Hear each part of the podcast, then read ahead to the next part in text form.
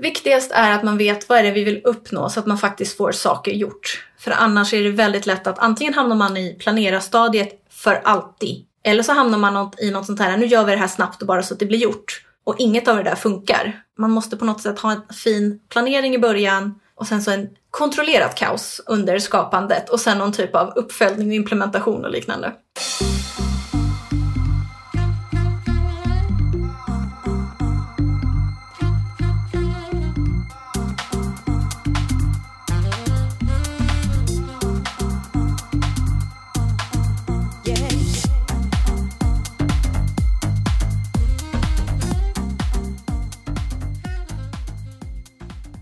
Välkommen tillbaka till Digital marknadsföring med Tony Hammarlund. Det här är en podd där jag intervjuar branschexperter och marknadsförare för att lära mig mer om digital marknadsföring. Mitt mål med podden är att bli en bättre marknadsförare och samtidigt dela med mig av intressanta samtal med några av Sveriges bästa marknadsförare. Jag har tidigare pratat SEO-strategi och sajtstruktur med Ulrika Wiberg, två väldigt populära avsnitt. Och nästa steg när man har det på plats är ofta att börja skapa innehåll och det man brukar kalla on-page optimering. Så i det här avsnittet pratar jag med Sandra Mellqvist som är senior SEO-konsult på WebGuide Partner. Fokus för det här avsnittet är on-page och att skapa bra och väloptimerat innehåll för både besökare och sökmotorer. Sandra har lång erfarenhet av SEO och jobbar tillsammans med teamet på WebGuide Partner med några av Sveriges största sajter och varumärken. Hon är även en väl anlitad talare och håller en hel del föreläsningar och webinars inom SEO. Sandra är helt enkelt riktigt vass på det här. Så nu fortsätter den här SEO-resan. Vi börjar avsnittet med att Sandra berättar om vad hon tycker kännetecknar bra och väloptimerat innehåll. Hon går sedan vidare och pratar om vad hon ser att många företag missar med sitt innehåll, bland annat hur viktigt det är att definiera syfte och innehållstyp. Sandra berättar sedan om hur hon startar upp ett SEO-projekt och hur hennes process ser ut för att gå från planering till färdigt innehåll. Vi zoomar även in och Sandra förklarar vad hon tittar på för att se till att en sida verkligen blir väloptimerad. Du får dessutom höra vad som är viktigt i uppstarten av SEO-arbetet, hur man får ett team att skapa riktigt bra innehåll tillsammans och hur Sandras checklista för optimering ser ut. Sandra förklarar även om hur hon sätter upp smarta sidspecifikationer för att se till att alla sidor optimeras för rätt syfte, sökord och sökintention. Du hittar som vanligt länkar och andra resurser vi nämner i poddenlägget på tonyhammarlund.io, så du behöver inte anteckna. Efter länkarna i poddenlägget så hittar du även tidsstämplar till olika sektioner i intervjun, samt en bonus-pdf med ett exempel på hur en sån här sidspecifikation kan se ut och vad den innehåller. Innan vi kör igång så vill jag även passa på att presentera Queenslab som är med och sponsrar den här podden. Queenslab är en snabbväxande konsultbyrå som hjälper företag med utveckling, UX och design och numera även med digital marknadsföring med mig i spetsen. Så kolla gärna in oss på queenslab.se och hör av dig om du vill snacka mer och följ oss gärna på LinkedIn. Nu kör vi igång avsnittet. Sandra börjar med att förklara vad hon anser kännetecknar bra innehåll som är väl optimerat för både besökare och sökmotorer. Alltså, bra innehåll skulle jag säga är att det är relevant. Det finns alltid en sökintention när man googlar någonting. Man vill ha någonting. Och bra innehåll är innehåll som uppfyller den här intentionen det Google alltid och andra sökmotorer också alltid försöker göra är att tolka den här sökintentionen och försöka klura ut vad det är man faktiskt vill ha. Det är lättare för besökare för det är människor, men sökmotorerna behöver lite hjälp och det är då man liksom får göra den här uh, on-page optimeringen. Så det är viktigt att det är liksom tydligt, gärna utförligt så att det liksom hjälper besökaren och Google eh, att fatta vad det handlar om.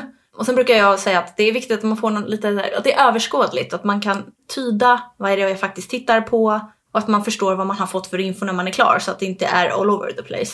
De senaste åren så har ju också Google pratat mycket om det som de kallar för EAT. Vad är det för något och vad innebär det för hur vi skapar innehåll? EAT är en sån här jättefin treordsförkortning som Google gillar som står för Expertise, Authority och Trust. Som egentligen handlar om att expertise är kan du ditt ämne och är du liksom kunnig inom området, det handlar om omfattning och detalj. Om du tänker dig till exempel 1177 lär ju kunna eh, sjukdomar väldigt bra. Okej, okay, då har de bra expertis. Authority handlar om hur trovärdig är du? Här har auktoritet. Om du vill ha tips på en bra restaurang då frågar du din kompis som är en foodie, inte den här som gillar att gå på Formel 1. Du måste liksom välja dina experter. Och trust handlar om hur eh, mycket förtroende har du? Eh, och det kan man se antingen som att tänk 1177, om det finns koppling där till eh, länstingen och liknande så har ju de en styrka i det. Men det kan också vara att om du har en expert så kanske den har synts i andra sammanhang. Eh, har du juridiska frågor så kan ju Leif Silbersky vara ett jättebra input. Eh, för han har ju rätt mycket förtroende inom det juridiska. Och välkänt namn syns i andra sammanhang. Tänk PR. Och det här är ju alltid bra att tänka på. Eh, men det är speciellt viktigt för eh, vissa områden som brukar kallas your money, your life. Som är olika branscher som handlar om finans, tänk bank och lån. Om de medicinska, 1177, läkare, jag vet att du har haft doktorn Punkt. De hamnar ju här i. Eh, juridiska frågor hamnar här. Nyheter, så att om du har en DN eller en SvD eller de här, de, de har ju en annan standard som de behöver hålla, hålla sig till. Och även eh, Google kallar dem för högrisk. Tänk adoptioner eller olika typer av säkerhet som bilsäkerhet och liknande. Har man en sajt inom de här segmenten så blir det viktigare att jobba med IT för att Google anser att det är så viktigt att du är korrekt och inte ljuger och att du är trovärdig. Att du inte jobbar med fake news och vad är det heter, alternativ fakta utan det är ärligt och äkta. Så att då behöver du fokusera extra mycket på det. Annars kan det bara vara bra att ha i åtanke att man visar på att vi står bakom det här, sätta namn på saker, se till att vi är ett riktigt bolag, vi har en adress, vi har ett telefonnummer, du kan kontakta oss här, organisationsnummer, lite, så här, lite transparens och visa vem man är så att man inte bara är en tom fasad. Ja, men det här är ju som du säger, det här är ju någonting som är väldigt viktigt för vissa branscher just. Vad finns det för vanliga misstag som du ofta ser när du tittar på företag och hur de skapar innehåll? Väldigt vanligt är att man missar att definiera olika syften för sina sidor. Så här, vad är det tänkt att den här sidan ska göra? Man tänker att hela ens webbplats ska sälja, punkt. Ja, fast alla sidor funkar ju inte så. Vissa är tänkt att sälja och de kommer ha en köpa-knapp eller kontakta oss, någon lead-genererande sak. Andra ska hjälpa en att organisera upp innehåll. Tänk typ en produktkategori. Det finns inga köpknappar i produktkategorierna, men de visar ju på att här är allt saker du kan köpa. Det kan vara saker som ska informera eller inspirera. Säljer du sneakers kanske du behöver säga så här rengör du dina vita sneakers. Det är väl jättebra information, men du kan ju inte köpa rengöra vita sneakers. Däremot kan det ju hjälpa dig att leda till ett köp av någonting annat. Och sen kan man ha bygg, eh, varumärkesbyggande innehåll saker som men vi stödjer den här organisationen eller här är vi som jobbar här. Om man inte har definierat de olika syftena så är risken att man pratar om allt möjligt på alla möjliga platser och det finns ingen tydlig liksom, köpresa. Och det går ofta att dra tydliga paralleller mellan syftet med sidan men också vilken typ av innehåll det är. För att man tänker, hur ska vi skapa innehåll till vår webbplats, då tänker man ofta, ja ah, men vi ska skriva artiklar. Fast om, om du ska vara helt ärlig så Ja, artiklarna är en grej, men du har ju också produktsidor och det är ju innehåll för där är det ju bild och det är knappar och det är info och det är tabeller. Sen har du ju kategorier då. Om du har en produktkategori då måste ju den också vara snygg och relevant av någon anledning. Om det är för att dra in trafik eller få en översikt eller leda till vidare interaktion. Man kan behöva guider och hjälp, men man tänker rengöra sneakers liksom. Det är inte nödvändigtvis en artikel alla gånger på samma sätt som någonting annat. Eller typ, hur startar du om din nya iPhone? Det är ju liksom inte en artikel på det sättet. Men även sidor som kundservice-sidor är ju innehåll som du behöver göra någonting med. Det är ju inte bara att de händer magiskt utan så när du tänker innehåll måste du tänka vilken typ av innehåll det ska vara också. För då kan du även definiera olika mål för de olika typerna av syften och olika typer av innehållstyper. För ett mål för en kundservice-sida kan omöjligt vara samma som en produktsida för du kan inte köpa en kundtjänst. Annat klassiskt problem är att man tror att man gör SEO en gång, det syns inte här men kaninöron, gör SEO eh, och sen är man klar. SEO är en pågående process. Du börjar den och sen slutar du aldrig. I alla fall inte om du ska göra det rätt. Och sen så eh, när jag jobbar med SEO med mina kunder då är det väldigt lätt att jag säger att jag behöver att vi skapar de här sidorna för bra synlighet och för bra relevans. Och sen så kan kunden komma och säga men jag skulle vilja skapa de här sidorna också.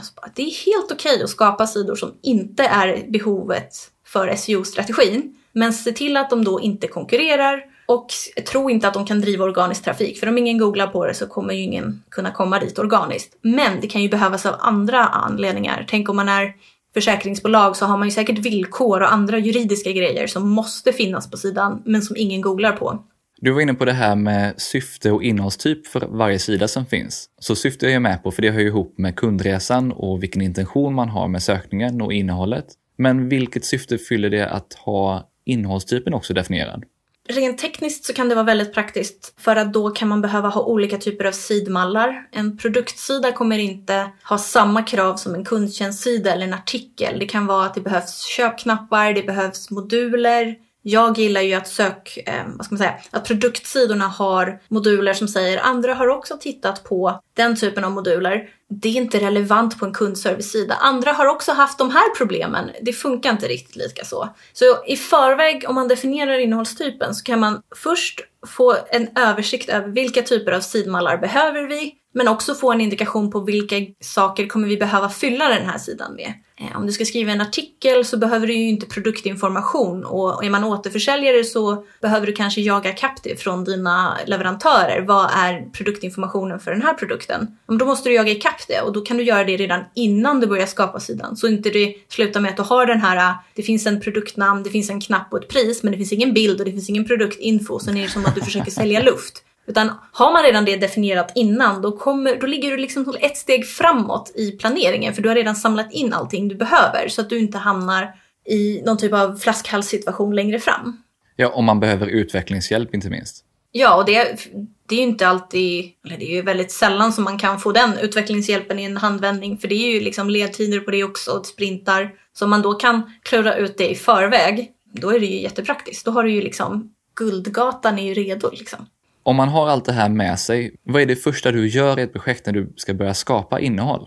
Jag gillar ju att koppla ihop innehållsarbetet med mål, affärsmålen för företaget. Om tanken är att webbplatsen ska leda till sälj, då behöver jag veta det så jag vet ungefär hur jag ska hantera det och hur vi ska prioritera. Är det att bygga någon typ av närvaro och varumärkeskännedom, då kan vi ha en liten annan strategi. Väldigt bra att ha koll på marknadsplanen. Eh, så är man marknadschef så Jobbar man med någon som ska göra SEO, försök jacka in dem i din marknadsplan för att då kan de linjera sitt arbete med ditt arbete så att inte vi har en webbplats-release liksom så två dagar innan du ska göra en stor marknadsföringspush och sen så linjerar de inte grafiskt för att den här marknadsföringspushen är planerad sedan sex månader tillbaka utan att man kan synka arbetet så att man får fram gemensam syn på det. Och sen så gillar jag också att plocka fram eventuella begränsningar, både i tekniskt men också resursmässigt. Och även ibland kan det vara rent legalt. Alltså jobbar man med, ja men som You Money Your Life, ibland finns det saker man inte får säga av sina jurister av en eller annan anledning. Det är bra att veta det från början så inte det kommer någon som jag som säger gör det här och det här och sen säger juristerna nej det får ni inte och sen har vi kommit halvvägs i arbetet. Och sen så sökordsanalys är en jättebra bibel att ha. Också det är det första jag faktiskt konkreta jag brukar göra när man har samlat in alla infon, planer och mål och liknande. Finns det något annat som du känner som behöver finnas på plats innan du sätter igång med projektet på riktigt? Jag tror också det är bra att veta vad har man för resurser. Både finns det eh, utvecklingsresurser, vilka skribenter har vi, vilka faktagranskare finns, finns det bilder, måste vi ta bilder, liknande. Tidsplan, jätteviktig. För att om man inte sätter en deadline, då blir saker aldrig klart. För att då kanske den här jättebra skribenten som du har jobbat jättehårt med, att den ska fatta allting som finns inom projektet, helt plötsligt blir den ivägdragen på att göra någonting annat. Om det då inte finns en tydlig tidsplan och en eh, deadline, då blir det väldigt svårt för den här personen kanske att säga nej, jag har inte tid. Jag känner det är väldigt viktigt också. Och sen, vem gör vad? För att om jag förväntas som extern konsult kanske förväntas göra hela planen, ja men då måste det vara tydligt. Eller ska någon annan göra delar av planen? Eller vem, vem är liksom planeraren, vem är liksom genomföraren och hur vet vi att vi är klara? Eh, och sen så, vilken ände ska vi börja? Jag vet att Doktorn.se hade den här diskussionen, ska vi börja med alla kategorier på en gång? Eller ska man börja lite grann över, eh, i vilken ände så här? Och det är också en bra sätt att veta, ska vi Måste allting vara klart innan vi går live eller kan vi börja i en vertikal? Eller gör vi liksom en lite helikopterperspektiv först och sen gör vi vertikalerna? Och då behöver man ju bestämt det redan innan. Eh, för annars blir det krig på alla fronter och då, det vinner man inte. Nej, och ha det här tydligt kopplat till vilket mål är det vi faktiskt ska uppnå. Viktigast är att man vet vad är det vi vill uppnå så att man faktiskt får saker gjort. För annars är det väldigt lätt att antingen hamnar man i planera-stadiet för alltid eller så hamnar man i något sånt här, nu gör vi det här snabbt och bara så att det blir gjort. Och inget av det där funkar. Man måste på något sätt ha en fin planering i början och sen så en kontrollerat kaos under skapandet och sen någon typ av uppföljning och implementation och liknande. Om man då har allt det här på plats och man har svarat på alla de här frågorna, hur ser din process ut för att ta en sida från planerad i sajtstrukturen till att faktiskt vara en färdig sida? Nu kommer vi in till mitt favoritämne av alla, vilket är sökordsmappningen. Vi har ju pratat med tidigare om sajtstrukturen, den är på plats. Och sen har vi pratat om att man har en sökordsanalys. Nu ska vi se till att sökorden kopplas ihop strategiskt och lite så planerat och medvetet med en URL. Så då gör man en mappning, som en sökordsmappning, där man, man liksom planerar in det här sökordet hör till den här URLen. Det här sökordet hör till den här URLen. Och om man tycker det låter jobbigt, ja det är jättejobbigt i början, men det går snabbt när man lär sig och sen blir det som en bibel över ens innehåll. Och, och det kommer lösa så mycket olika problem för att i det här, samband med det här så kan du ju också få en översikt på vilka sökord har samma intention. Då kopplar ju de, du dem till samma struktur eller samma URL. Helt plötsligt har vi massa olika sökord som går till samma URLer. Titta, vi har en, en spektra av sökord vi kan använda på den här landningssidan. Och i det här kan vi också då titta på de sökorden som är mappade till en viss URL och få en känsla för, vänta, vad vill man ha om man googlar det här? Jo, men man vill köpa någonting. Titta, syftet blev sälj på den här sidan. Okej, okay. och då har vi tidigare bestämt att saker som ska säljas ska ha en produktsida. Alltså är det här troligen en produktsida. Smack! Nu har vi planerat upp alla de här och då kan vi dessutom lägga till så här, okej, okay, produktsidorna, deras mål är att konvertera. Titta, vi kan nästan sätta ett konverteringsmål på den här sidan. Om inte annat så kan vi säga att uppföljningen för den här sidan är framgångsrik eller inte beror på om den säljer. Titta, vi har planerat uppföljningen. Och eftersom du gör hela den här planeringen, du kan hitta om du råkar få intern konkurrens. För om du då ser att sökbeteendet mappas till olika URLer men intentionen är densamma, då har vi redan liksom fångat problemet med intern konkurrens innan vi ens har börjat. Och här har du då hela bibeln om hur sidan ska utvecklas. Ja, det här är fantastiskt och viktigt att ha från början. Och har man så här börjat med det här när man satt upp sajtstrukturen, så man har börjat med den här sökordsmappningen och du, man fortsätter när man ska skapa allt innehållet och så får man just den här tydliga översikten. Det är fantastiskt värdefullt. Jag brukar också i, i, eh, någonstans i den här delen i processen sätta upp spårning för sökorden. Och det kan vara bra att göra innan man ens börjar publicera saker. Antingen för att man har haft innehåll tidigare och då kan man kolla, blev vårt nya innehåll bättre sen? Så att man har en before and after. Men också så här, vad är det för no några av våra konkurrenter som rankar på det här idag? För då kan vi liksom få ett hum om det redan innan vi börjar. Och när man har gjort det så brukar jag alltid försöka se till att skribenter och redaktörer och egentligen alla som ska vara med i själva produktionen av innehållet kan grundläggande SEO. För då förstår de också varför det här jättemastodont sökordsmappningsdokumentet är viktigt. Sen om de inte vill in och jiddra i den, det förstår jag. Men det, det, då kan vi liksom förklara varför man inte får skriva om den, samma sak på flera olika ställen och varför det här ska vara enskilda undersidor. Och man kan också prata mer om, om hur skriver man metadata så att den blir bra från början. För att det brukar bli bättre om den som skriver innehållet också skriver metadatan eftersom de just då har suttit med sitt material och då kan omvandla det. Och om de då har fått rätt guidelines så kan det bli bra.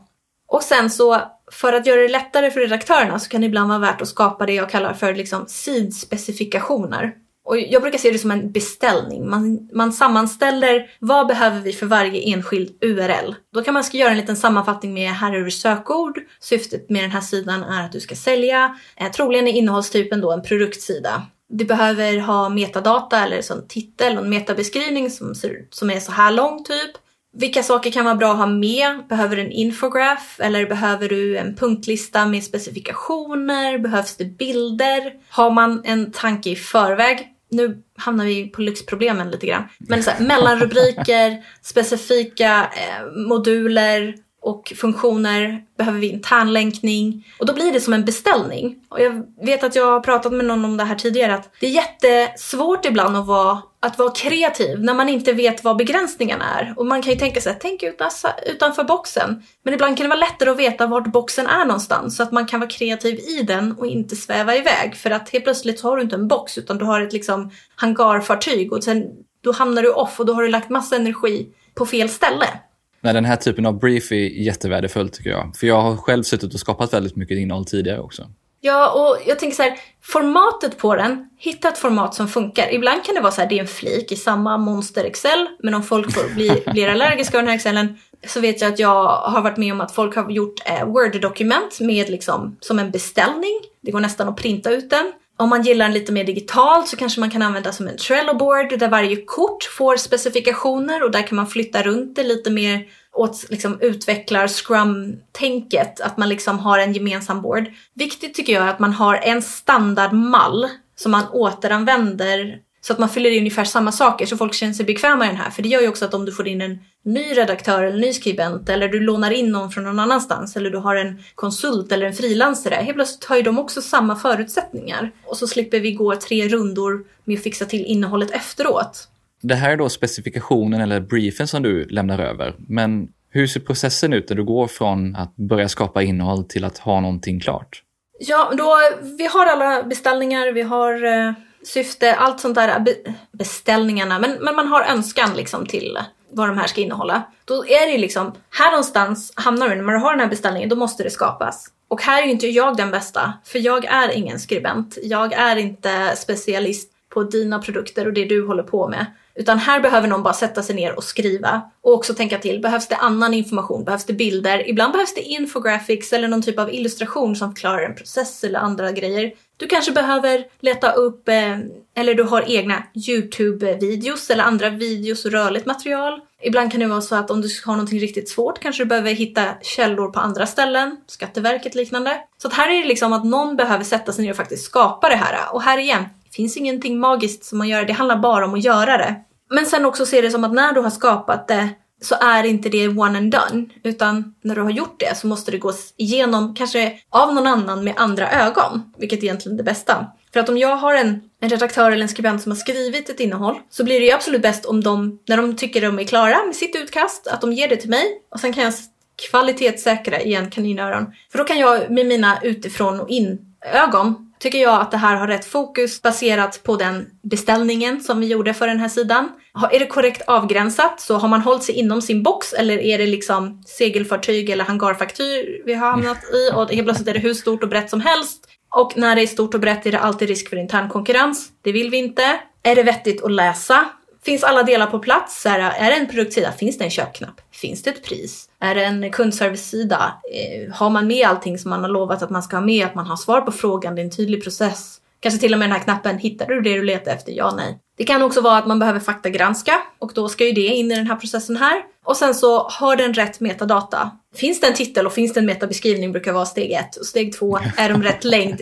Steg tre, är den bra? Och sen så liksom optimera det och komma med feedback. För det är ofta lättare för en SEO-person att ska säga, rekommendera förbättringar av till exempel metadatan än att skriva den från scratch. För oftast är vi inte skribenter. Det finns en del som är riktigt vassa på det där men ofta så kan de som jobbar på ett bolag sina produkter och sitt innehåll bättre. Och sen är man inte inläst heller på exakt hur innehållet ser ut och vilken intention det är och hur man pratar i branschen. Och, och det är också så här, Metadatan är viktig för det är det du ser i sökresultaten. Alltså är det bra att någon som inte kan vad du pratar om läser den. För att om de inte fattar, då har du misslyckats redan från början. Om det inte är så att det är en otroligt nischad bransch där bara de som söker på det här faktiskt eh, behöver kunna. Men annars tänker jag att bra att ha någon som inte kan. Om du, om du kan eh, fråga din sambo eller liksom dina föräldrar och fattar de vad det här handlar om och de fattar, då har du träffat relativt rätt. Eh, och då har vi ju egentligen kommit väldigt långt. Då är vi ju redo att publicera för vi har gått alla loopar. Och ibland kan man behöva gå den här korrigeringsloopen några gånger ifall det är omständiga saker. Och det, kan, det är här det är värt att ha med, definiera i förväg vilka loopar vi behöver göra. För annars är det här flaskhalsen hamnar. Och man vill egentligen helst inte skippa de här stegen. För att om det behövs fakta granskas av någon som faktiskt kan eller godkännas av en produktägare, då måste den vara redo. För vi kan inte vänta i veckor på enskilda personer, liknande så. Och nu har vi publicerat och så kan man tänka, ja ah, vi är klara, vi har publicerat innehåll. Mm, egentligen inte, utan nu ska vi följa upp. Eh, då kollar vi ett, är sidan indexerad? Två, har den rankings, liksom synlighet? Tre, är synligheten och rankingen tillräckligt bra mot vad vi kan estimera borde vara? Får vi någon trafik? Är det rätt trafik? Konverterar vi? Alltså är det rätt trafik vi får så de konverterar och konverterar på rätt sätt? Eller drar vi in trafik här och sen går de vidare till en annan grej och köper den istället? Men då kanske inte vi har träffat rätt på det här sökbeteendet. Så man måste kolla på alla de här. Så att bara för att man är publicerad är man inte klar. Så man tittar på allt det här, man gör de korrigeringarna som man känner behövs just nu, publicerar igen, väntar lite, så följer man upp igen. Eh, och någonstans här kan man hålla på i all evinnighet. Men det kan också vara så att man behöver gå vidare när man känner att ja, men det här är okej okay for now. Vi rankar på ett vettigt sätt. Den här börjat konvertera. Den, liksom, den eh, klarar sig själv just nu. Lite så här, eh, nu har våran bebis tagit sina första steg. Den börjar kunna gå själv. Låt den tulta runt lite grann och sen så återkommer vi när den kanske behöver lite hjälp sen.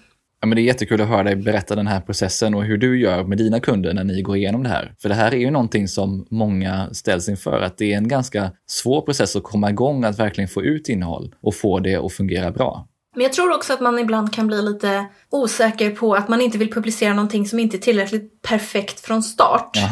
det här är någonting som jag får jobba med själv, med så här, done is better than perfect. Ibland kan det vara så här, bara få ut det. För om det visar sig att Google inte ens hittar det, ja, men då kanske du har tekniska problem. Då är det någonting helt annat du behöver lägga fokus på. Spelar ingen roll hur mycket du skriver, för du kommer liksom inte få den prestation som du behöver av ditt innehåll. Eller så rankar du jättedåligt på det du vill ranka på. Ja, men då kanske du har lagt fel fokus på din sida och behöver optimera den och skriva om på grund av det. Eller så bara kastar du ut den du kände över första utkast. Kastar ut den, den bara kock kyss.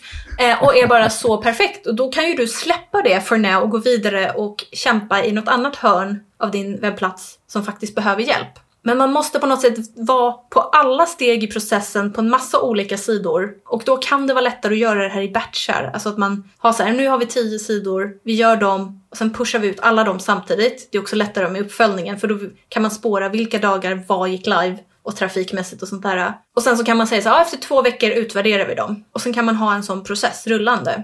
Du var inne på det här lite tidigare just med att det är ju ett helt team som skapar det här och det är både du som då konsult, det är skribenter och det kan vara granskare och så vidare. Så hur får man ett helt team att hänga med på den här processen att skapa riktigt bra innehåll tillsammans? Väldigt viktigt tycker jag att det finns tid och buy-in på alla plan för alla inblandade. För det är väldigt svårt att jobba i en process där till exempel, ja men den här skribenten är också ansvarig för de här tre grejerna och de kommer alltid gå före om den personen skriker.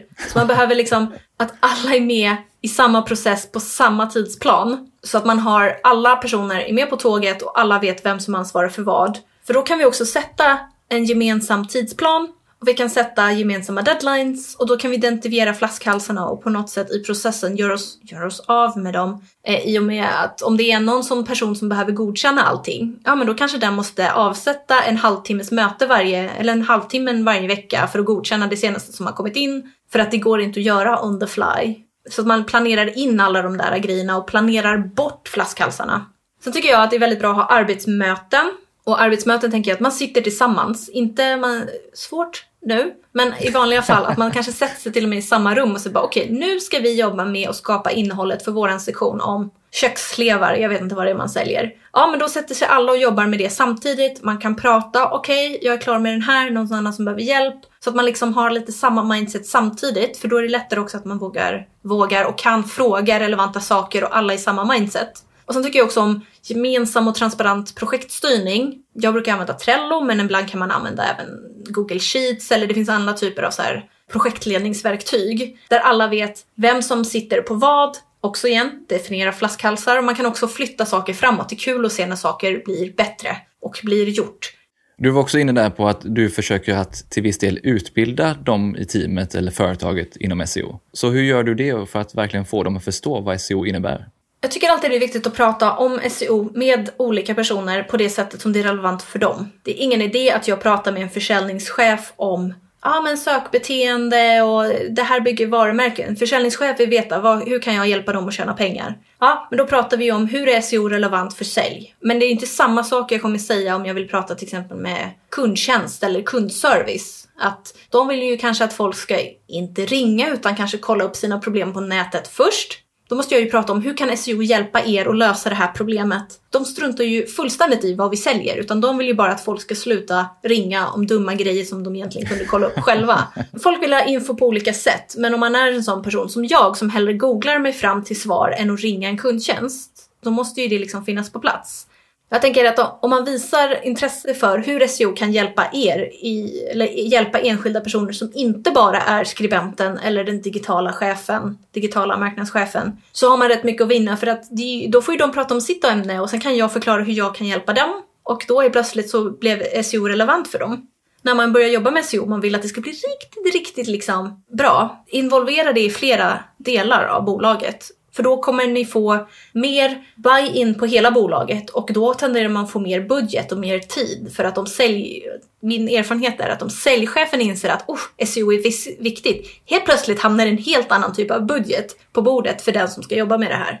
Om vi zoomar in lite, vad tittar du mer i detalj på och vilka steg går du igenom för att säkerställa att en sida är väloptimerad efter den specifikation eller brief som du har satt upp? Vi säger att vi har redan löst hela det här med att sidan har rätt intention, den svarar på själva sökfrågan och att den har ett syfte och liknande. Nu, går vi, nu blir det nitty gritty här.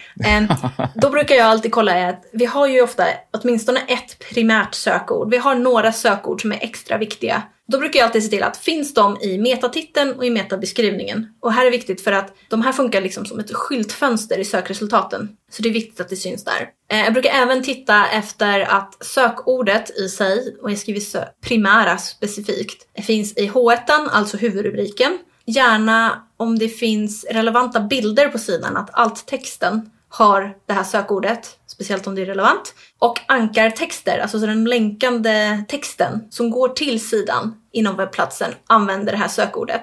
Flera av de här är de datapunkterna som Google använder för att, för att klura ut vad handlar den här sidan om och vilket sökord bör den finnas på. Sökintention handlar om att man samlar flera sökord som menar samma sak men här hamnar vi in på en mer exakt match. Ett sökord, kanske två om vi har lite tur, måste finnas i de här tydliga ska man säga, objekten på sidan. Bra här om man har gjort en bra sidstruktur, att URLen är relevant. Om det finns ett tydligt sökord, varför inte ha det i eh, URLen? Titta, jättepedagogiskt får jättegärna finnas saker som breadcrumbs, alltså de här, äh, jag tror det kallas för länkstig på svenska. Länkstig? Ja, jag är lite allergisk mot försvenskande för det gör det svårt för mig att googla saker, eh, vilket annars är världens bästa SEO-tips. Googla eh, olika typer av uttryck, det finns jättebra svar. Eh, men de här breadcrumbs, och kolla, innehåller de rätt ord? För att där kan du också ha sökord och där får du ju även flera eh, steg i eh, strukturen. Du ger dem bra ankartexter. Och sen så brukar jag även kolla att om eh, structured data eller strukturerad data, om det är relevant för sidan, att det finns på plats. Tänk att man har markerat upp till exempel saker som adresser, om det är en fysisk adress. Finns det ratings kan det ju vara värt att ha de här stjärnorna för att har man tur så kommer Google plocka upp dem, visa dem i sökresultaten och helt plötsligt syns man lite bättre. Och här finns det även eh, möjlighet att göra det som, eh, lägga till det som heter Open Graph som inte gör någonting för SEO överhuvudtaget men när man ändå håller på Open Graph är den typen av markup som används för sociala medier. Så att om du ska ha en sida, så speciellt en sida om vi säger att den ska, den här vill vi att den ska gå viral på Facebook. Ja men bra, då är det ju bra att Open Graph då visar en snygg bild, en bra liksom länktext och en bra beskrivningstext och inte bara någonting som random plockas upp av Facebook. Och då finns det en möjlighet att när vi ändå håller på här, se till att det blir fixat. Ja, men det sista där med Open Graph, även om inte det är SEO som du säger, så är det extremt viktigt för sidan i sig att det faktiskt finns på plats. För det ser ju extremt tråkigt ut och det är väldigt illa när man har lagt ner många timmar, mycket tankar och kärlek på de här sidorna, så fallerar det på att bilden som man visar när man delar inte ser bra ut. I min erfarenhet är att det är SEO-personer som vet om att Open Graph finns och vi hamnar någonstans i processen där vi är den som kravställer olika typer av markup. Så varför ska jag inte rekommendera det här när vi ändå håller på? Jag är mycket sådär, man ska göra saker när man ändå är inne och grottar. Utan vi ska vänta till om sex månader när någon sociala medieperson inser att vänta, våra länkar är fula på Facebook och då börjar rota i det här. Utan håller vi ändå på att jobba med strukturerad data, se till att The Open Graph funkar också. Och man har förmodligen redan tagit fram en bild som finns på sidan. Det är bara att skapa den i ett annat format. Du gick igenom en bra checklista här för vad du tittar på när du optimerar en sida. Men om vi börjar med sidtitlar och metabeskrivningar, det som syns i sökresultatet. Hur gör du för att skriva riktigt bra sådana? Det här, det här är en mycket knäckig fråga inom SEO. Jag kan inte ge dig en magisk formel, för det finns ingen. Det finns några grejer man kan tänka på och saker som personer som jobbar med SEO kommer påpeka. Och det är egentligen, gör dem lagom långa, då är det inte lagom hur långt det är ett snöre utan det finns en pixellängd. Google mäter sina titlar och metabeskrivningar i längd om pixlar. Jättesvårt att skriva i längd om pixellängd för att det är ingen av våra vanliga verktyg som gör det. Men det är ungefär, en titel har någonstans mellan 50 och 60 tecken för att ett L tar mindre plats än ett M, därav spannet. Eh, och en metabeskrivning någonstans 150 till 160 tecken. Mitt tips är att när man börjar jobba med det här, googla hur långt det bör vara pixelmässigt och teckenmässigt just nu. För helt plötsligt ändrar Google någonting. För att de, det ser lite annorlunda ut på mobil versus desktop. Så även jag googlar när någon frågar mig. Bara för att kolla vad är det senaste nya. Eh, för ibland ändras det väldigt ofta. Min enda lilla formel som jag har för titlar det är att jag brukar ha primärt sökord först och sen så brukar jag ha en pipe, alltså en sån här lodrätt eh, streck och varumärket sist. Och har du tur, om du ska skriva säg 55 tecken, då har du lite mellanrum där i mitten mellan sökord och varumärke. Så att du har liksom sökord, varumärkesmacka, då behöver du fyllningen inom brödet där i mitten. Har du tur så blir det tillräckligt vettigt för att du kan använda ett sekundärt sökord. Och då kanske du kan skriva någonting snajsigt där äh, som kan leda till att eh, folk vill klicka på den här länken. För det här är ju länken som kommer synas i sökresultaten. Så den bör fortfarande vara relevant och den måste vara unik jämfört med alla andra på hela sajten. Så den ska ju fortfarande förklara vad det handlar om. Så då kan man väl egentligen säga, om du vill ha en formel, primära sökord, något snajsigt som inkluderar sekundära sökordet, varumärke. Och har man otur här så har man ett väldigt långt varumärke och sen har man ett väldigt långt primärt sökord. Det plötsligt finns inte plats för någonting annat. Metabeskrivningarna, samma sak. De ska vara relevanta för landningssidan. De ska vara unika. De här är inte en rankingfaktor utan de är mer bara som en extra liten uh, inforuta eller infotext för den som ska klicka på det här. Så det kan vara värt och eh, vara lite snajsigare där. Och här, är man bra marknadsförare, här finns det mycket bra att göra. Eh, du har hela 155 tecken, vad är det? Det är ungefär två rader, det är inte så mycket. Två meningar ungefär får man plats med. Jag brukar ha med sökordet mest bara för det är också en bra eh, tanke, vad ska man säga, en, en bra övning att se till att man får med sökordet där också. Men Google struntar egentligen vad man har där. Och sen så brukar jag alltid avsluta med en call to action. För att det är bra med en call to action. Har man lite otur så kommer Google inte plocka upp de här metabeskrivningarna, eh, för de är bara en rekommendation. Och då kan de plocka lite random text bara på sidan. Det brukar inte alls bli särskilt bra. Mitt tips är att om det händer, ta en kritisk look på din metabeskrivning och fundera på varför tycker inte Google det här är bra? För det kan vara att den är duplicerad, den är irrelevant, den är för generell, det är kanske någon här varumärkes... Eh... Boilerplate-variant. Ja men typ. Är det en boilerplate-info då kommer de inse att vänta nu har vi det här på 50 olika sidor. Obviously inte unik och relevant. Alltså plockar den, ibland kan den plocka så här, tre ord här och sen är det två stycken längre ner, plockar den en halv mening och sen om man skulle hamna där, eh, att man inte får sin beskrivning, var lite kritisk och eh, kolla på vad det faktiskt står där egentligen. Ja, men det är bra som du säger att få med sökordet för det är, i de flesta fall om Google nu plockar upp den man har satt så får man ju också fetstilat de sökorden som är med. Hur gör du med rubriken? H1 är ju den här huvudrubriken. H1 är egentligen bara den här lilla kodsnutten som står i. Värt att påpeka för att den används ibland för eh, formatering för att de ska se ut på ett visst sätt. Men i SEO har de ett syfte med att det anses vara huvudrubriken. Kan vara samma som titeln. Jag vet att vissa blir lite allergiska mot det. Men de fyller ju lite olika syften. En titel är ju gjord för att vara den klickbara länken i sökresultaten. När du väl kommit in på sidan så vet du ju vart du har hamnat, så då ska ju den mer vara relevant. Och om du då har arbetat rätt hårt för att titeln ska innehålla liksom din smörgås av bra sökord så att det är primärt sökord och så sekundärt sökord i någon liten klatschig kombo. Kanske inte det är relevant i huvudrubriken. Då kanske det är bättre att bara ha huvudsökordet för det är det som är relevant och fokuset för sidan. Eller någon form av det. Och hur gör du med underrubriker? Jag brukar se underrubriker som en primär funktion, eller deras primära funktion är att öka läsbarheten. Jag vet vissa jobbar väldigt hårt på att tjoffa in eh, sekundära sökord i dem och det kan man göra men ibland kan det bli lite svårt. Om du tänker 1177 är ett jättebra exempel för de har ju, du går in och kollar på någonting, du har en eh, förkylning och sen har du ju symptom, det är en underrubrik och sen så har du kanske, vad kan man mer vara, eh, läkemedel eller vad man nu kan behöva. Behandling eller liknande. Ja men precis. Ja men då skulle man ju kunna säga, ja men du kan ju säkert trycka in eh, symptom för förkylning i den rubriken och så kan du ha behandling för förkylning i nästa rubrik. Men du kan också bara använda dem för användarvänlighetens skull. Jag, jag skulle inte offra läsbarheten för att optimera mellan rubrikerna eller under rubrikerna generellt. Men om du kan göra det för att det är så ditt sökbeteende och sökintention ser ut, alltså förkylning, om vi har en sida om förkylning och så kan vi ju dela upp dem så. Titta, gratis uppdelning, jätteenkelt, jättebra. Plus en indikator på också vad behöver vi skriva när vi skriver den här sidan. Ja, men då har vi zoomat in lite och tittat på de här detaljerna och element som du tittar på när du optimerar en sida. Men hur bör man tänka med själva innehållsflödet och ordningen på en sida? 1. Använd rätt innehållstyp för ämnet. Det har vi ju pratat om till döds nu. Så om ingen, om ingen har fattat det nu så säger jag en gång till. Använd rätt typ av innehåll. Och också tänk till eh, vilket format som är bäst. Ibland kan faktiskt en bild eller en video vara bättre än en text. Däremot Google dålig på att tolka bild och video så du måste vara ett komplement till det. Men fundera på vad som är rätt liksom, innehållstyp. Och sen så generellt brukar jag tänka, tänk nyhetsartikel. Alla har läst nyheter någon gång. För att då har du en rubrik för högst upp och sen har du en ingress som typ sammanfattar hela din sida. Och sen har du mellanrubrikerna så att det är värt att eh, läsa och hitta. Och om man är som man är så scrollar man ju hit och dit och då är det ju bra med eh, mellanrubriker. Om man har mål som är till exempel konvertering, lägg inte det längst ner. Det finns en anledning till att e-handlare stoppar sina köpknappar väldigt högst upp på produkterna. För att om du måste scrolla dig igenom fyra sidor av produktspecifikationer för att köpa, då kommer du tröttna. Så lite så här, äh, det absolut viktigaste först, så länge det är relevant. Och sen så använd tydliga avbrott och luft och Visst, Wikipedia är jättebra SEO-mässigt för det är mycket text, men även de har mellanrubriker och avgränser, avgränsande innehåll, tabeller där det behövs, bilder där det behövs, grafer, illustrationer.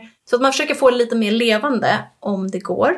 Håll dig till ämnet så att du inte svävar iväg, så att det faktiskt blir tydligt vad sidan handlar om. Och sen brukar jag säga, tänk på att när man använder eh, organiskt sök som en källa så finns alltid risken, chansen, hur man nu vill se det, att någon kommer in direkt till den här sidan. Och du kanske har gjort en jättefin funnel där man klickar sig ner från startsidan via menyerna och så hamnar du här och allting är jättebra. Men sen när någon kommer in från Google så kommer de in från sidan och helt plötsligt fattar inte de vart de är i sammanhanget. Så där måste det ju också vara, varje sida måste stå på sina egna ben. Så även om du kommer in högst upp på en sida, du har inte följt den här eh, resan genom sajten, så måste ju fortfarande sidan funka. Så lite, tänk above the fold. Innan du börjar scrolla ska du veta vart du har hamnat, varför det är relevant och nästan helst vad är det förväntat att göra.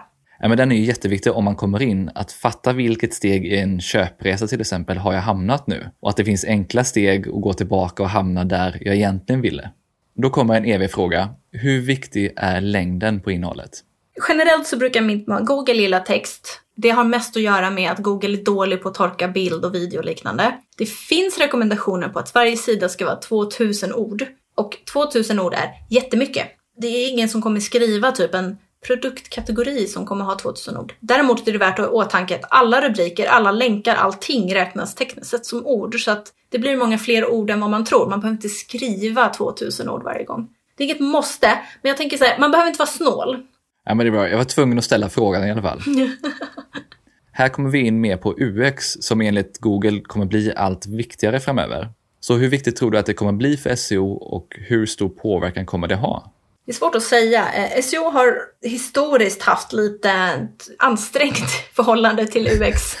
Men jag tror att i och med att vi har fått eh, det som kallas Core Web Vitals som handlar lite om hur saker laddas in och hur enkelt det är att interagera med och liknande så börjar det gå närmare och närmare att SEO och UX på något sätt börjar gå ihop i sina strategier. För jag ser det lite som vi, samma, vi vill samma sak. Vi vill att användaren ska ha så bra upplevelse som möjligt.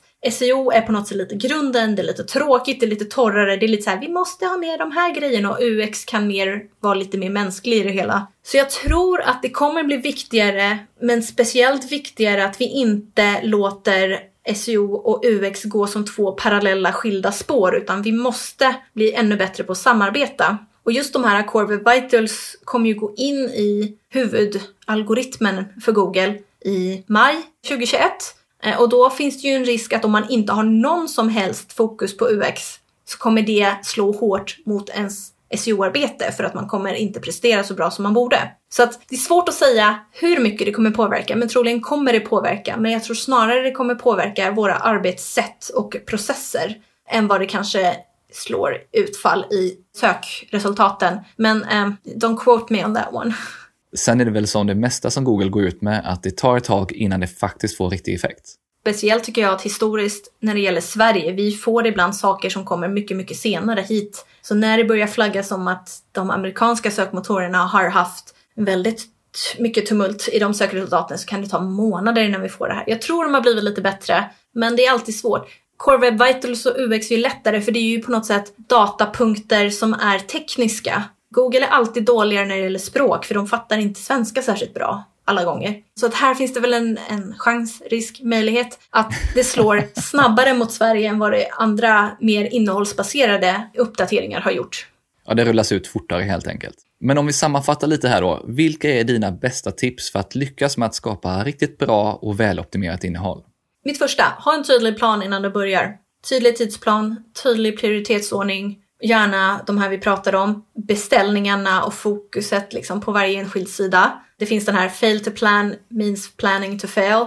Det sparar dig tid i längden. Men sen, fastna inte där, utan mitt nästa tips är kom igång. Och det kan låtas lite att det säger emot sig själv, men man måste ibland planera och komma igång och ibland kanske det är olika personer som behöver göra de olika sakerna och sen så att man gör det i steg. Tänk på att bättre att komma igång och sen utveckla processen bättre allt eftersom eh, för att det blir lättare. Lär ut SEO till alla involverade parter och speciellt de som har hands-on med de olika mm, delarna av sajten men också gärna resten av organisationen.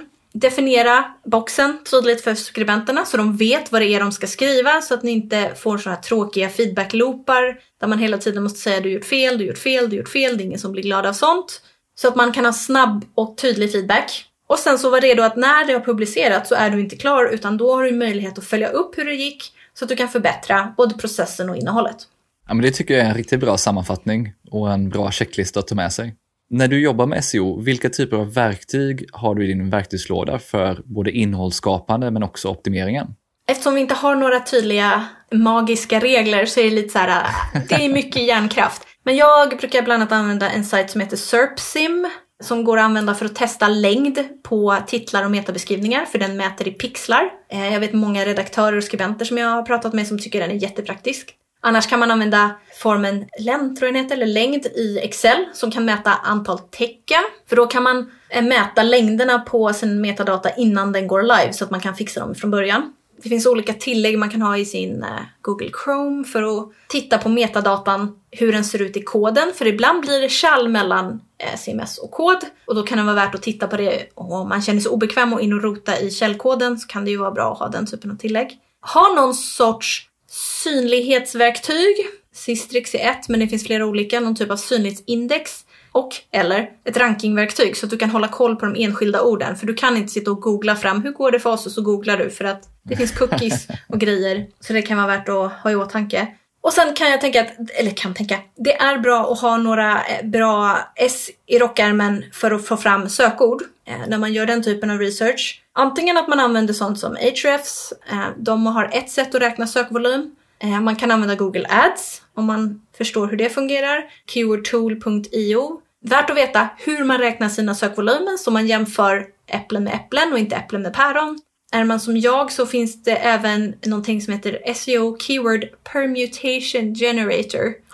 Det handlar om att man kan lägga in grupper av sökord och få dem kombinerade automatiskt. Så att om jag har en, en lista med färger och en lista med typer av var, eh, skor så kan jag lägga in dem i två olika kolumner och trycka på en knapp och så får jag alla kombinationerna automatiskt. Jättebra om man har stora mängder sidor, stora mängder produkter, tänk e-handlare. Bra att ha koll på. Och sen så eh, Screaming Frog, klassiskt, för att kolla vad som faktiskt finns live. Mycket av de här handlar ju om att kolla saker när saker redan har gått live. För det är väldigt svårt ofta och inga SEO-verktyg kan du använda innan du har gått live. Så att annars, Screaming Frog går ju att använda om du har en testmiljö, om du ger den access till den. Men annars så finns det, Google har en egen Structured Data Testing-verktyg. Jättepraktiskt om man har sånt implementerat. Och så finns det en sajt som heter Copyscape där du kan dubbelkolla om den hittar kopior av ditt innehåll någon annanstans på sajten. Så om du känner att nu har någon börjat skriva samma sak på en massa ställen, då kan man få ett hum om det där. Ja, men det var en lång lista och många bra verktyg där. Om man är intresserad av att lära sig ännu mer och bli bättre på både skapa innehåll med själva on-page-optimeringen, vad finns det för bra resurser som du gillar att tipsa om? Jag är mycket för digitala källor, mest bara för att jag tänker att SEO ändras mycket Grunden ändras inte men det ändras rätt mycket så det är värt att ha digitala källor för de är ofta rätt bra uppdaterade. Moss har en blogg som bland annat, där man kan filtrera fram saker som on-page SEO. finns en helt egen kategori. De har video Whiteboard Friday där det ibland är helt fokuserat på on-page och andra innehållsrelaterade grejer. Jättebra. Backlinko har också en sektion som handlar om on-page SEO. Semrush har även en blogg, det är ett annat verktyg. Och sen är det Neil Patel på Youtube, han har också även bra innehåll gällande just on-page. Men eh, som sagt, eftersom det inte finns någon magisk formel och någon magisk lösning så är det mycket så här värt att lära sig de tekniska begränsningarna. Och sen så ser det mer som ett kreativt projekt. Ja, men det är ett bra synsätt att ha. Jag tycker väldigt mycket om Backlinker som du var inne på. Innan vi avslutar så vill jag också passa på att kolla var man följer dig och VGP allra bäst. Så eh, VGP, där jag jobbar, vi har ju, vår hemsida är vgp.se, så Webguide Partner, så det är W. Jag finns på LinkedIn primärt och eh, vi på VGP har en gäng olika webbinarium och liknande nu. Så att eh, gå in och kolla där och även våran blogg. Super. Stort tack för idag Sandra. Tack så mycket. Att jobba med SEO kräver innehåll som är väl optimerat och ofta en stor mängd sådant.